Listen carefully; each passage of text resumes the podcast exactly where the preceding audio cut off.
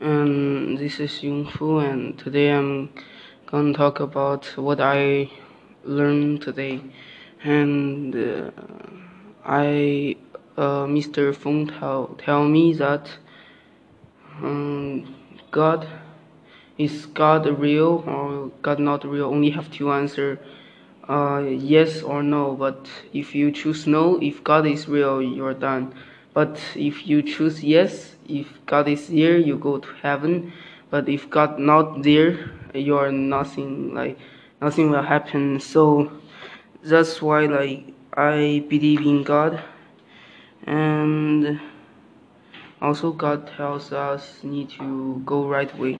And I also learn only God is the only God is truth God and I also thankful for Mr. Feng to tell me that uh, about God, and uh, I'm thankful for today I can hear the devotion and thank thank God give uh, give me food that I can eat, and also.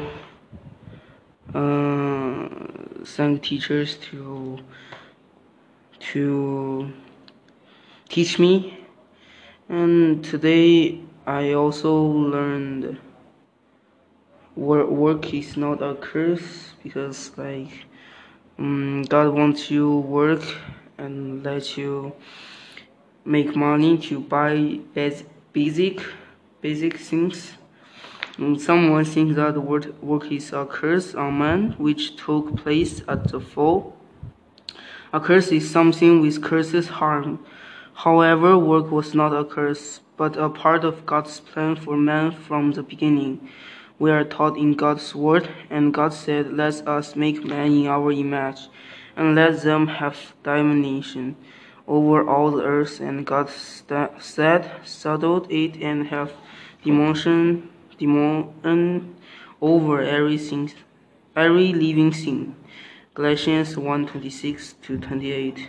Before Adam ever sinned, God had told him to subdue the earth.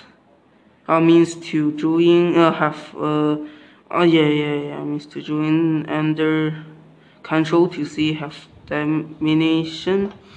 This another way to see have control um, con containing Adam could not just sit down somewhere and still subdue and have dominion over the earth. He had some work to do. This is my podcast today. Thank you for listening.